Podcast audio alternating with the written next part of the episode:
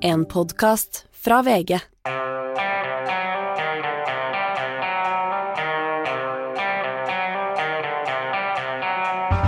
Regjeringen sjokkerer neppe mange med dagens forslag til statsbudsjett.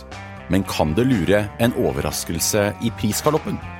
En iransk kvinneaktivist i fengsel får Nobels fredspris. Og den noble litteraturprisen tilhører nå Jon Fosse. Er det på tide vi alle begynner å lese? Dette er Giæver og gjengen. Det er fredag 6. oktober. Vi skal tilbake til Nobel. Årets fredspris er da også årsaken til at vår finansminister måtte stå litt ekstra tidlig opp i dag, for regjeringens forslag til statsbudsjett for 2024 ble lagt frem alt klokken 09, en time tidligere enn vanlig. Og til stede i vandrehallen i Stortinget var du samfunnsredaktør i E24, Torbjørn Røe Isaksen. Yep. Hvordan var koket der i dag? Du, koket var eh, lavere enn vanlig, vil jeg si.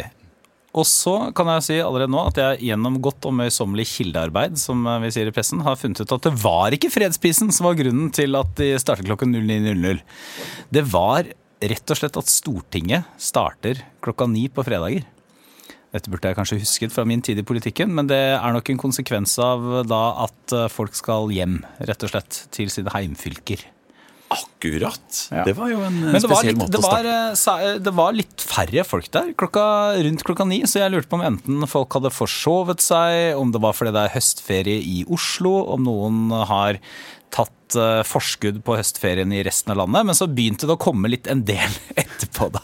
Som rundt klokka ti, når det vanligvis er, så strømmet det på med folk. Men, men regjeringen har jo ikke bidratt til å få optimal oppmerksomhet om budsjettet når de eh, konkurrerer med en fredspris litt senere på dagen.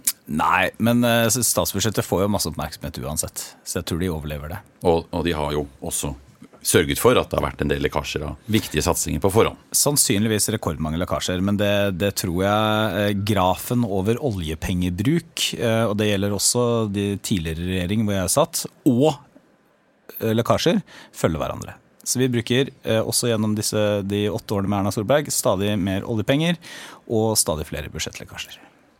Vil jeg tro, da. Ikke sant? Så er det jo noe rituelt over denne dagen, og opposisjonen har selvfølgelig alltid raske og kritiske merknader når et budsjett legges frem. Var det noe som skilte seg ut i år?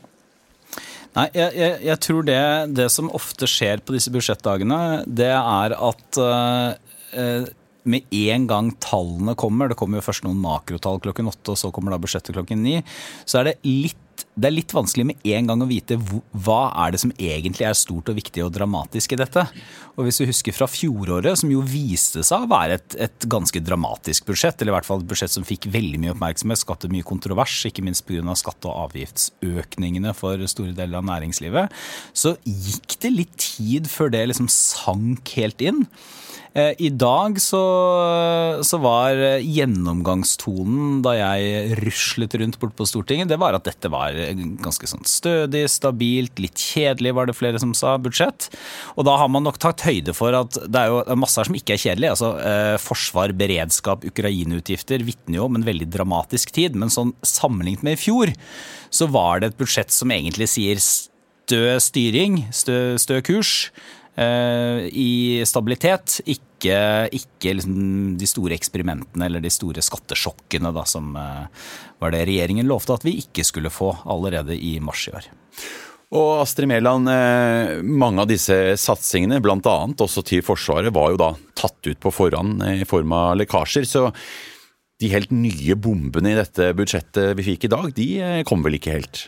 Nei, jeg var mest spent på å høre på runden etterpå i Stortinget og få høre hvordan opposisjonen reagerte på statsbudsjettet. Vi husker hvordan det var i fjor, ikke sant? sånn som Torbjørn var inne på. Det gikk jo skikkelig skikkelig dårlig for Trygve Slagsvold Vedum eh, i sitt første år som finansminister. Han sto og holdt de her eh, plakatene opp ned på TV og sa at nå går det veldig mye bedre og det kommer til å bli god råd for folk flest. Og så gikk jo liksom pilen ned. Eh, så det var jo litt spennende å se hvordan det, hvordan det gikk i år. Da. Jeg syns jo det gikk langt, langt bedre. Det virka som man har tatt sånn videreutdanning som selger og har skjønt at det gjelder å skru ned forventningene først.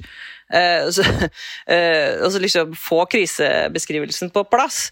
Eh, og da opposisjonen skulle reagere, da, akkurat som Torbjørn sier, så har de liksom nesten ingen tid på seg. De må late som de har lest statsbudsjettet.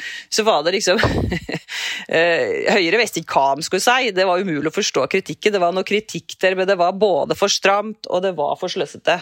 Eh, og Frp de, de, sa at det var sjokkerende små brødsmuler. Det var absolutt ingen som heva et øyebryn. Eh, det morsomste var begrepet kom fra Rødt og Marie Sneve Martinsen, som hadde funnet på helt sikkert på forhånd et nytt begrep som heter for griskflasjon. Eh, det er nemlig at kapitalistene tar mer av eh, pengene. Men det var òg liksom rent teater. Det var ingen som var sjokkert eller kjempesint over det her budsjettet, slik som jeg tolka det. Og jeg tenker at det der får nok Trygve Slagsvold Vedum igjennom, bare han plussa på litt på klima og kanskje da på bistand. Ja, for SV er jo den foretrukne budsjettpartneren her, og det skal vel være mulig å bli enige her, Torbjørn? Ja da, det, det blir de helt sikkert. Eh, hvis ikke noe dramatisk skjer. Samtidig så er det interessant, fordi hvis budsjettet er eh, litt kjedeligere, eller det er færre store overraskelser i år. Eh, og det er også et budsjett som ikke har en veldig sånn markant fordelingsprofil, for, særlig på skattesiden. Det er bitte bitte lite grann skatteøkninger, helt marginalt for høyinntektsgrupper. Formuesskatten ligger, ligger, i ro. Det er til og med en lettelse der for, for næringseiendom i Distrikts-Norge. Eh, så kan det isolert sett bety at SV har større rom egentlig for å forhandle i år enn det de hadde i fjor. Eh, så overraskelsene er ikke, altså Vi er ikke ferdig med budsjettet før Eh, før nyttårsaften. Eh, eller vi er ferdig med det før nyttårsaften, men du skjønner hva jeg mener. Altså, det skal fortsatt forhandles på Stortinget. Legg merke til at til og med SV tok en svartmalingspause i Stortinget i dag. og De viste en rapport om at folk flest har faktisk fått det litt bedre nå. De tok æra selvfølgelig, det var pga. økt barnetrygd og Eh, økt strømstøtte. Så til og med de var jo liksom virka litt, eh, litt på glid, da. Syns synes jeg, Men det selvfølgelig så skal de forhandle og få inn noe, noe kjepphester. Jeg syns egentlig at han eh, Torbjørn har rett i at det er ikke sånn venstrevridd budsjett akkurat, men han pakka jo det inn litt i venstrevridd gavepapir da han skulle presentere det. Han snakka veldig mye om at litt artig. Han sa at han hadde tatt pengene fra lakse, lakseoppdrettere, de milliardene, fem milliardene, og brukt dem til å finansiere barnehager til folk flest. Det er jo litt frekt, ikke sant? Mens, fordi han bruker jo samtidig masse oljepenger, og bruker penger bl.a. på gratis ferje og billigere flybilletter og sånn. Uh, men han snakka mye om at uh, pengene skal gå til arbeidsfolk, til dem som sliter, til økt trygd og til integrering. Fagforeningsfradraget økes, og privatskolene får mindre. Eh, så, så, det er litt sånn eh, for å få SV med på det her, da. Ja, det her kan vel deles ut litt mer til eh, SFO f.eks., som SV har presset på på før. Det er en del man kan, kan se konturene av her. Det, det, er, altså det, er noe, det, er, ikke noe, mangel på saker som SV vil ønske mer penger til og klarere satsinger til. Klima, kanskje noe på grønt, industriløft, SFO, barnehage. Ikke minst barnehagepris. Nå settes den ned, men kanskje det kom fra 1.1. Men, men det som har vært et selvstendig poeng for SV, har jo vært at fordelingsprofilen i seg selv handler om mer enn bare offentlige utgifter. Det handler også om omfordelingen i skattesystemet. Og det er igjen da verdt å merke seg at uh, mange av de skattene som SV da tradisjonelt ser til, f.eks. eierbeskatningen som vi sier i E24, da, eller formuesskatten på de, de, som har aller, aller mest, som SV vil si, uh, ligger helt i ro. Det er til og med en, som jeg sa, en litt lettelse inne. Det er ikke noen store nye eh, skatter for de som tjener 1, 2, 3, 4, 5 millioner i, i lønn. Så, så, jeg tror også der så vil SV sannsynligvis kreve mye mer. Eh, og, og, ha større mulighet kanskje også for å få gjennomslag i år enn i fjor. Og Vi har jo ikke engang fått nå en såkalt skatt på privat konsum i selskaper. Det disse utsatte gruppene, hvis vi kan kalle det det, de ynder å kalle luksusskatt eller monsterskatt. Den utsettes Privatflyskatten. Den utsettes eh, ytterligere. Ja, den utsettes, og det er jo ikke, det er jo ikke noe, altså det er jo ikke noe, dette er jo ikke en folkeskatt, for å si det forsiktig, selv om det er jo en, en type skatt som da kanskje vil kunne treffe flere enn bare de som har privatfly. Da. Det var det som var litt av problemet for regjeringa. Men eh, jeg snakket med én i eh, en stor fagforening eh, som sa hæ, utsetter de den enda en gang? Så, så, det er nok også et område, altså det har vært en skatt som har vært litt sånn etterlengtet. Så har regjeringa skjønt at eh, innretninga på den, den slo skeivt ut. Men eh, jeg, ok, jeg sier det rett ut, jeg, jeg blir overraska hvis det ikke kommer noe innskjerping på skattesiden etter at budsjettforhandlingene er ferdig. Det, da blir jeg overraska. På den annen side, vi har jo denne ganske mislikte ekstra arbeidsgiveravgiften som både LO, NHO og for så vidt SV også har gitt klart uttrykk for at de ikke liker, eh, og som er bredt mislikt i næringslivet. Men denne fases bare såkalt gradvis ut. Eh, det blir en økning i inntektsgrensen der fra 750 000 til 850 000. Kan vel irritere en del eh, neste år også? Ja, det vil nok irritere en del. Det, men samtidig så har jo regjeringa da sagt at altså De har vært veldig tydelige på at den skal fases ut. Eh, mange trodde kanskje den skulle forsvinne i år. Eh, det gjør den da ikke.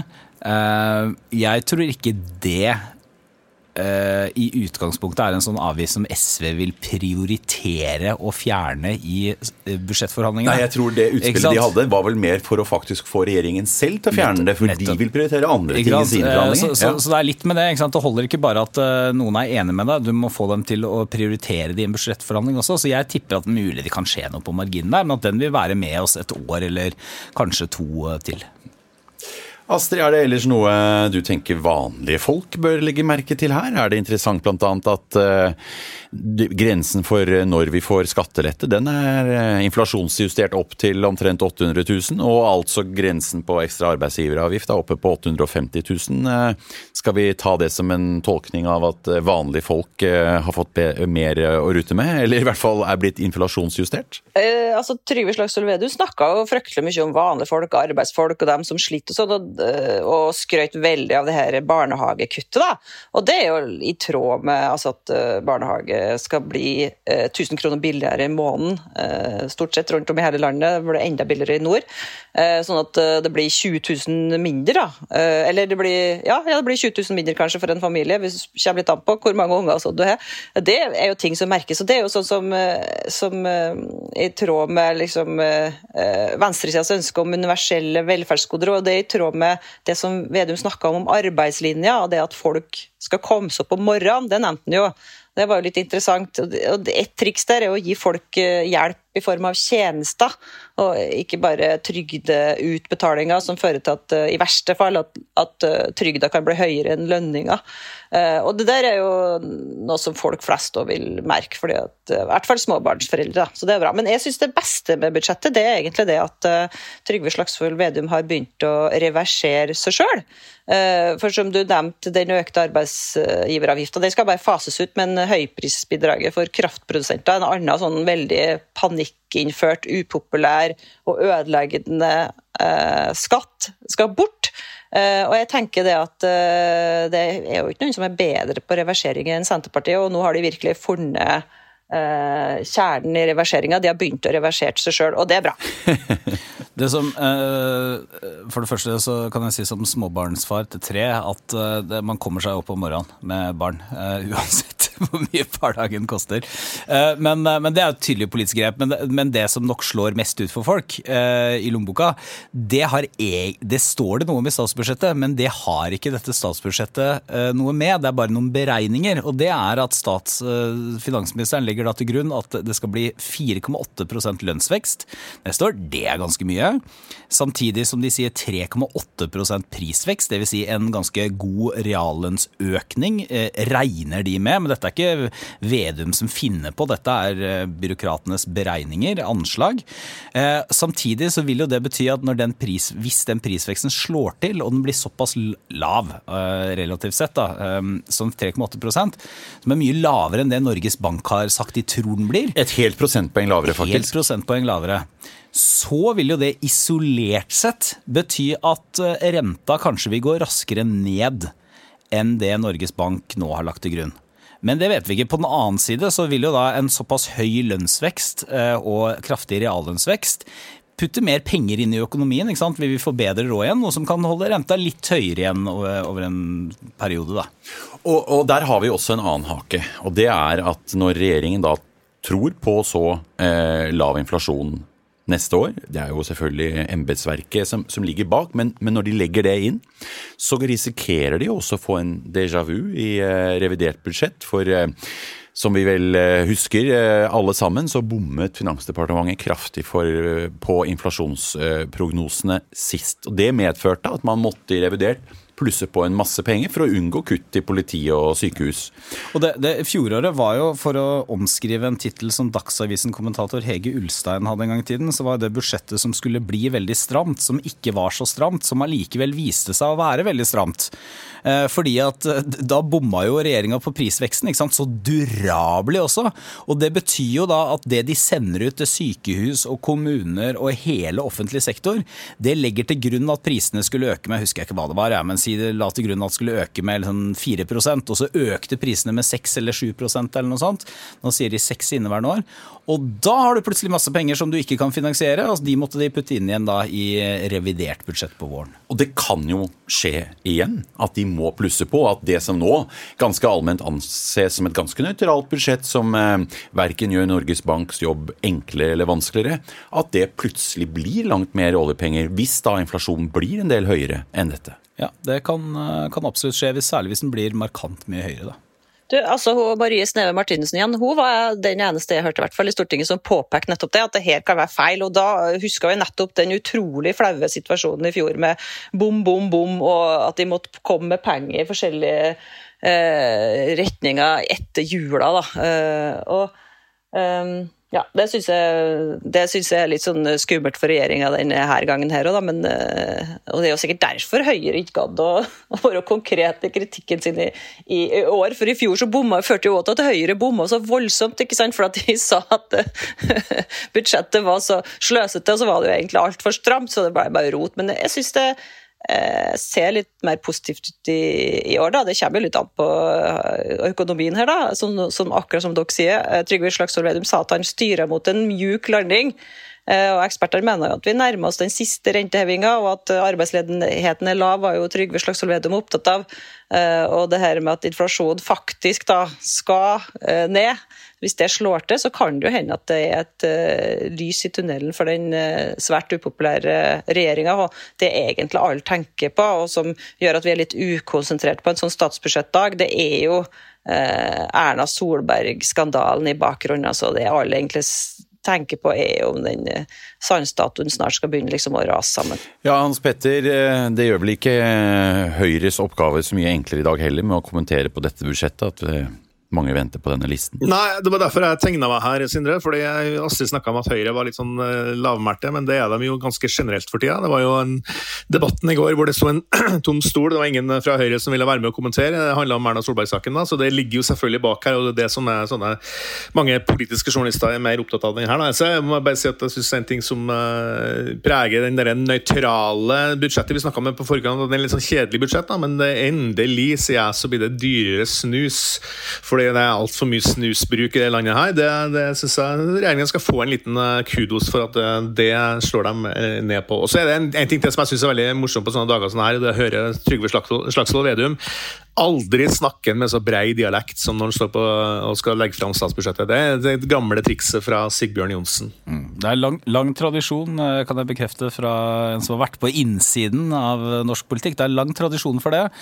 At man eh, legger om litt basert på hva man snakker om. Men han var ganske god i dag, Trygve Slagsvold Vedum. Jeg vet ikke hva dere syns, men altså, han klarte å ta nuven av alle kritikerne i Stortinget, i hvert fall. og Eh, det kan jo hende at det bare er noe jeg tenker, men det, det er mulig tidsånden snur nå. Altså. Det er mulig at eh, venstresida har jo bare fått seg én felles fiende, det er Erna Solberg. Og økonomien kan jo snu, og det kan jo hende at eh, regjeringa Støre får en litt lettere 2024. vet ikke. Ja, det, det, det, skal godt gjøres hvis det ikke blir lettere enn den 2024 som har vært nå. Ja. Ja. Altså, så, så, hvis de får en verre 2024 enn 2023, så uh, da Altså vet du hva, da, da er det et eller annet sånn, da er det noen høyere makter som ikke liker Jonas Gahr Støre. altså. Men da er det også Eh, ille ut for oss alle andre. Ja, da er det også ille ut for oss andre. Men det er jo noe med sant, Trygve Slagsvold Vedum finner jo også etter hvert stemmen sin som finansminister.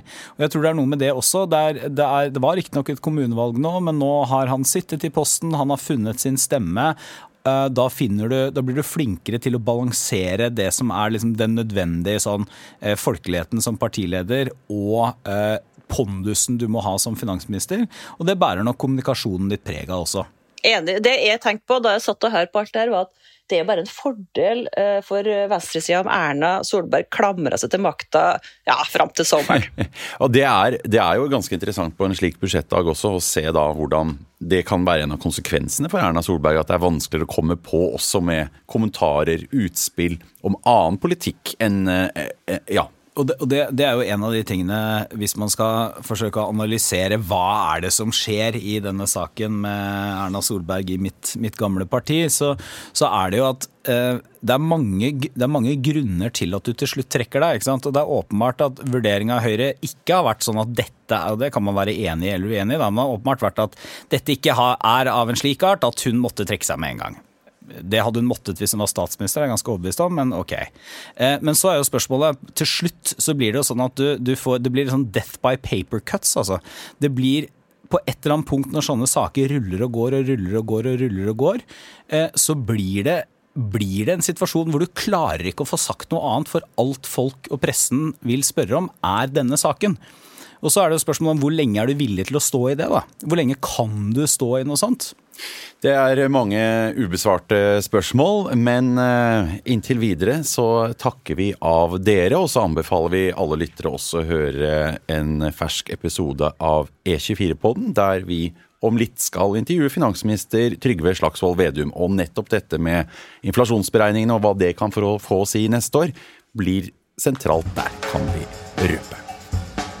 Denne fredagen er eh, pepret med hendelser. Vi har eh, også fått en fersk eh, kunngjøring fra lederen av Den norske nobelkomité, Berit Reiss-Andersen.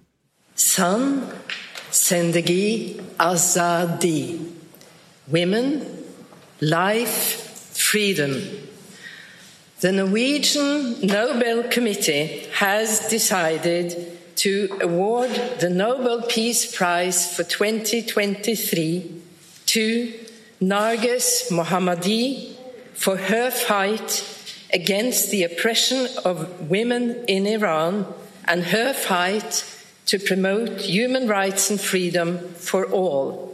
Per Olav Ødegaard, med det har faktisk din stallfavoritt til eh, årets fredspris gått eh, inn. Du forventet dette i Gjever og gjengen alt på onsdag, du?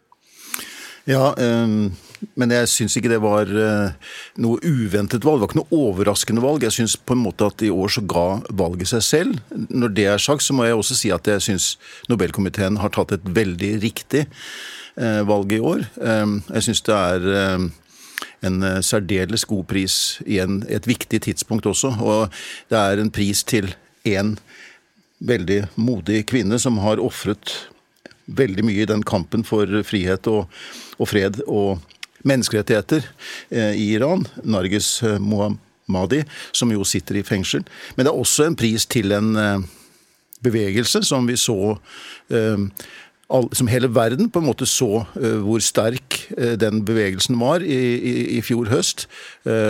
Kvinner som gikk foran og krevde rettigheter og helt grunnleggende sivile rettigheter som vi tar som ganske selvsagte. Og denne bevegelsen er vel heller ikke død, til trøst for at eh, mange er drept, mange er fengslet? Nei, det, tror, det, det, det er den ikke. Eh, Og eh, Mohammadi selv har jo Hun klarte å få smuglet ut et brev som ble publisert i New York Times omtrent på årsdagen for denne kurdiske kvinnen Amini som døde jo, det var jo hennes død i moralpolitiets varetekt som på en måte utløste eh, demonstrasjonen i fjor høst. Eh, Avdekket en veldig sånn Det lå under der en veldig sterk eh, protestbevegelse, men det var det som utløste det. mange, mange iranske kvinner kjente seg igjen, eh, men det var jo forferdelig det som skjedde med Am Amini.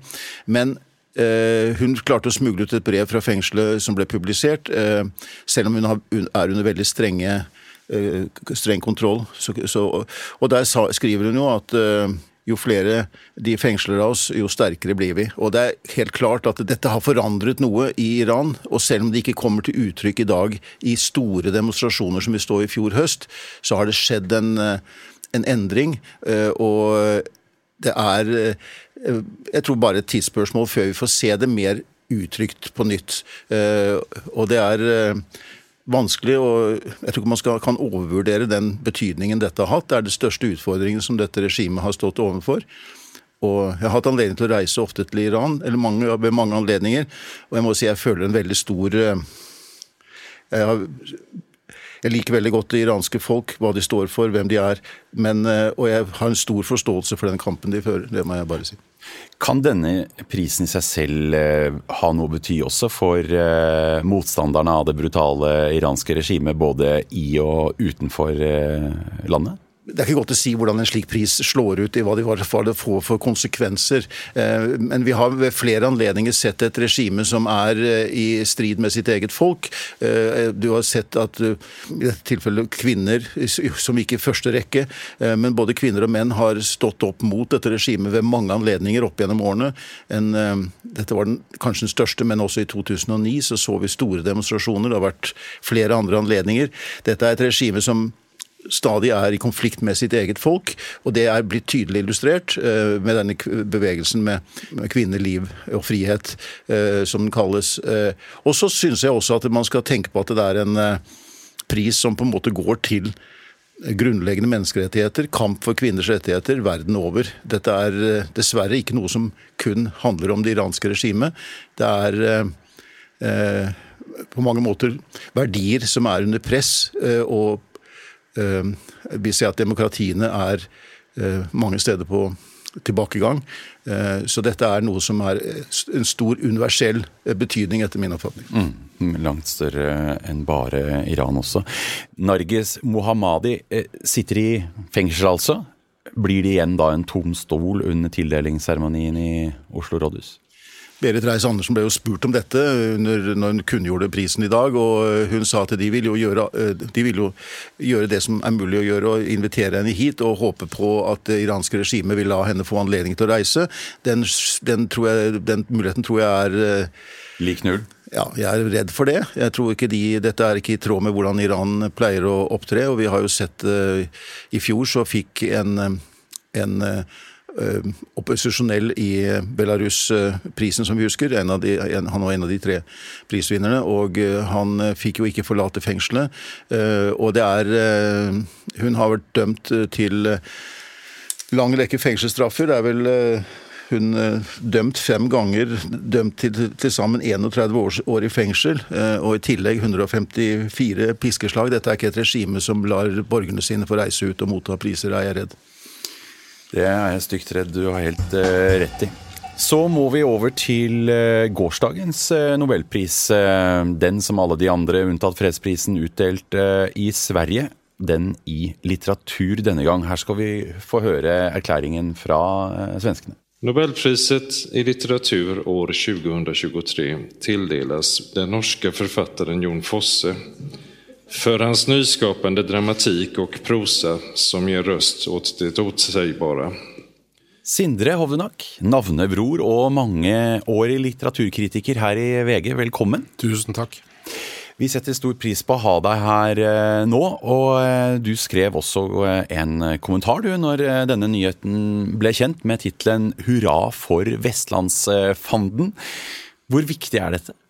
Ja, det er klart at for Norge, som har et selvbilde som en sånn litterær eh, stormakt, så har det vært litt vanskelig å godta at vi ikke har fått nobelprisen i litteratur på 95 år. Så jeg tror dette var veldig viktig for uh, vårt selvbilde og også vårt, uh, vår image utenfor, overfor omverdenen. Og det var helt riktig, syns jeg, at det var Jon Fosse som nå fikk denne prisen. Han har jo stått på Eh, favorittlisten, på shortlisten så å si, i hvert fall ti år. Og eh, som han selv sa, han var ikke så kjempeoverrasket selv. Han uh, hadde jo hatt følelsene noen år av at det kanskje gikk den veien. Men at dette er viktig for Norge og viktig for norsk litteratur, og ikke minst for nynorsken, det er det ikke noe tvil om. Ja, og Fosse selv trakk jo faktisk frem nynorsken uh, i går i en uh, kommentar. Det er første gang nynorsken har fått en pris, om man kan si det sånn? Ja, naturlig nok, siden det er 95 år siden sist. Og da var det Sigrid Undset, og hun skrev ikke akkurat på nynorsk. Mm. Uh, nynorsk som språk har eksistert i omtrent 150 år i Norge. Som skriftspråk, altså. Så det er også en veldig fin egentlig, markering av at nynorsken nå har etablert seg som et fullverdig Eh, språk, også eh, overfor utlandet.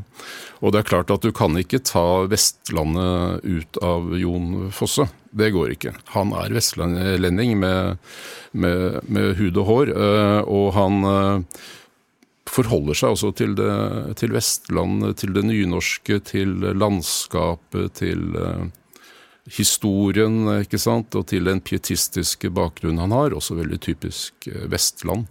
Så eh, han er, og han har vært så produktiv. Han har jo skrevet snart 70 bøker. Eller titler, da, hvis du tar med skuespill, eh, som han egentlig er mest eh, kjent for.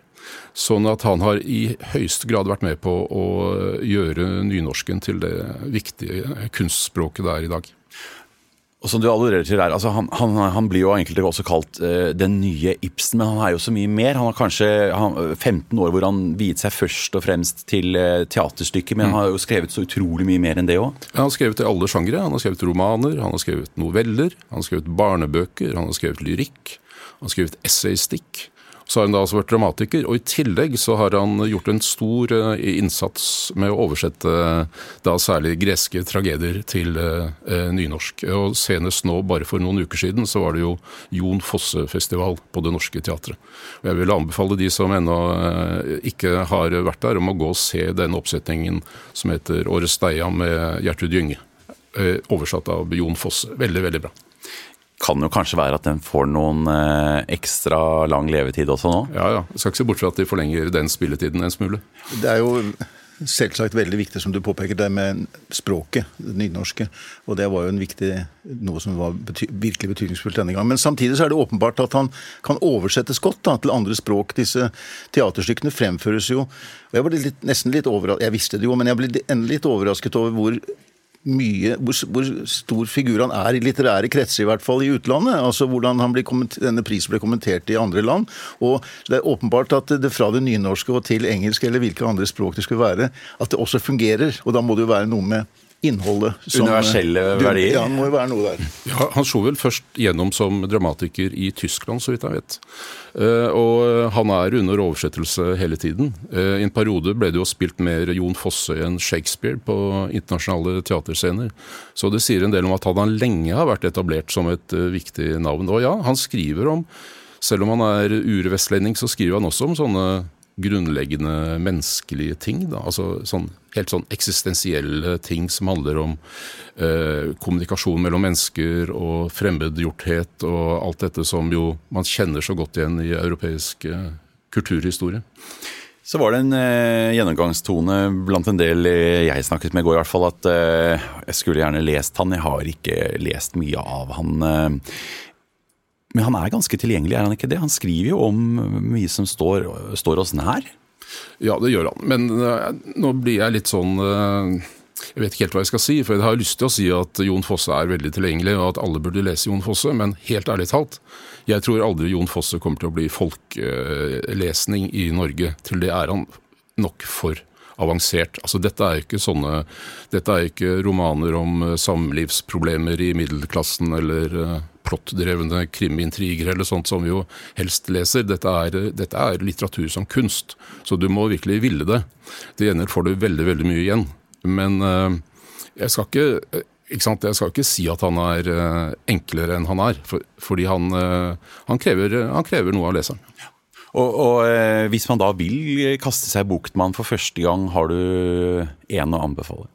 Ja, da Han kom faktisk med en bitte liten roman eh, nå i vinter som het 'Kvitleik'. Den var knapt 100 sider eh, lang. Så det er jo, kunne være en grei introduksjon. Eh, på den andre siden så har det svære verket hans som heter 'Septologien'. 1200 sider syv bind, som jo er kanskje hans hovedverk enn så lenge når det gjelder prosa. Så man kan da velge mellom disse to ytterlighetene. Og så får jeg bare ønske lykke til, egentlig. Ja, Men du har veldig mye varmt å si om septologien også, har jeg lest. Ja, altså dette er jo en på mange måter en kunstnerroman, da. om en med et dobbeltgjengermotiv og med en billedkunstner som egentlig er i en sånn erkjennelsesprosess, hvor han ender opp med å nærmest ja, helt overskridende vende seg mot Gud. Så det er ganske heavy stuff. Eh, men det er også en veldig sanselig bok, som jeg nevnte til å begynne med. Dette er jo Vestlandet. Novembermørket. Det er eh, Det dufter liksom stekt flesk og bjørkeved i huset der han bor, og han eh, kjører langs disse mørke fjordarmene. Så det er, en, det er en sånn pulserende stemning over boken. Og så er det jo én ting da, som er ganske morsomt, syns jeg. At alle disse sidene er skrevet uten ett eneste punktum. Det går bare i ett. Malende, rytmisk språk. Så det er en stor opplevelse, men eh, man bør sette av litt tid, da. Mm. Hjelper det noen ganger å ha sett noen teaterstykker han også, for å forstå hans altså, skrivemåte? Ja, det tror jeg nok, fordi de supplerer hverandre. Og det er mye av det samme. altså eh, den Kvitleik den ble jo dramatisert nå eh, nettopp, også på Det Norske Teatret. Jeg så den for bare en uke siden. Og det er veldig, altså han, er jo, han tenker jo som dramatiker og har jo full kontroll på, på, dramatiseringen av sine egne verker. Så man kan godt begynne med å gå på teater. Uh, det, er, det, er, kanskje ikke så dumt. Nå, jeg vet ikke om det er så mye som spilles akkurat nå av ham, men det kommer jo også helt sikkert opp uh, stykker. da. Hans Petter Sjøli, du er også med oss her. Det var en stor dag, dette her, for norsk litteratur også? Ja, klart det var det. og Det er jo litt sånn som Sindre Hovdenak sier, at det hadde nok noe å si for norske selvbildet. fordi Vi liker jo å tro at vi er et veldig sånn land hvor vi setter litteraturen høyt da, og satser mye penger på litteratur. Eh, og så jo også politikerne og kulturpolitikere av diverse partier kom ut i går og, gratulerte eh, Jon Fossum-prisen. Så var det jo litt litt på en måte litt sånn, tenker litt, jeg ble litt vemodig av det. Også, fordi en forfatter, jeg har ikke lest noe særlig av Jon Fosse men eh, en annen forfatter som også har vært nevnt i den sammenhengen, er jo Dag Solstad. Han har jeg jo lest alt av og er en veldig veldig stor fan av eh, på eh, alle måter. og Det vel det som, når Fosse nå fikk prisen, så kan vel det bety at Dag Solstad ikke får den, da. fordi å få to nordmenn sånn på relativt kort tid, det er nok en ganske liten mulighet for. Så. Men vi må vi bøye oss i hatten for Jon Fosse. Og er en ting til å si om Jon Fosse, at han er også han er jo regna som en litt sånn tung og dyster kar, men han er også veldig morsom. Han er bare eh, husker jeg fra et intervju i Dagens Næringsliv 2004, da Jon Fosse var på reise i Japan, der han også har et stort publikum. Så, så det intervjuet som eh, ble ført i pennen av Jens M. Johansson, han er også forfatter for øvrig, men, men eh, det intervjuet er bare fantastisk morsomt. Og, og Fosse har den underfundige, litt sånn keitete vestlandshumoren som er, som er så morsom. Jeg la merke til særlig én passasje der, hvor han fikk spørsmål om hvorfor han alltid gikk i svart jakke og svart T-skjorte. Og så svarer han at nei, det er bare for at han føler seg tryggest på den måten der. Eh, men når han er hjemme, så kan han gjerne ta på seg en lilla genser, men da er det bare når han er helt alene. Fascinerende. Eh, og, og, eh, Sindre Hovnak, eh, jeg ser også bl.a. New York Times understreker dette at eh, Jon Fossås er en forfatter som er opptatt av fred, serenity, eh, og at han har vekt, vektlagt det også en del. Er det noe du opplever du ofte finner i teksten hans? Ja, det er et godt poeng, fordi i hvert fall dette med forsoning, da. Forsoning med seg selv og andre mennesker og sin egen skjebne, det er noe sånn som nok ligger under, så det syns jeg er et godt poeng. Et annet poeng med Jon Fosse i forhold til f.eks. For Dag Solstad, da, det er jo at Jon Fosse i Nobelsammenheng er en ganske ung forfatter. Han er i gåseøyne bare 64 år gammel. Og veldig mange nobelpriser i det siste har jo gått til forfattere som har vært godt over middagshøyden, og egentlig har vært ferdig, ferdigskrevet. Så det syns jeg også er et interessant signal da, fra svenske akademien. At, eh, for Jon Fosse kommer til å fortsette å skrive, han kommer til å fortsette å oversette, og kommer til å fortsette å jobbe sikkert i mange år framover.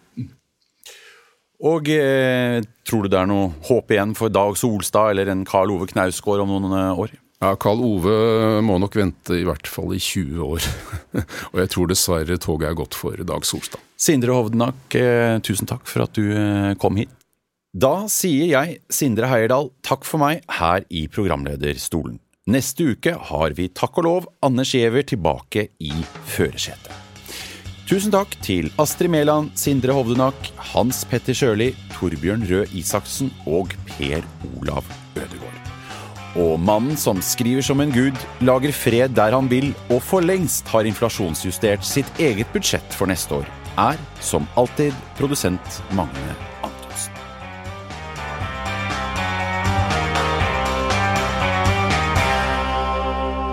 Du har hørt en podkast fra VG. Ansvarlig redaktør, Gard Steiro.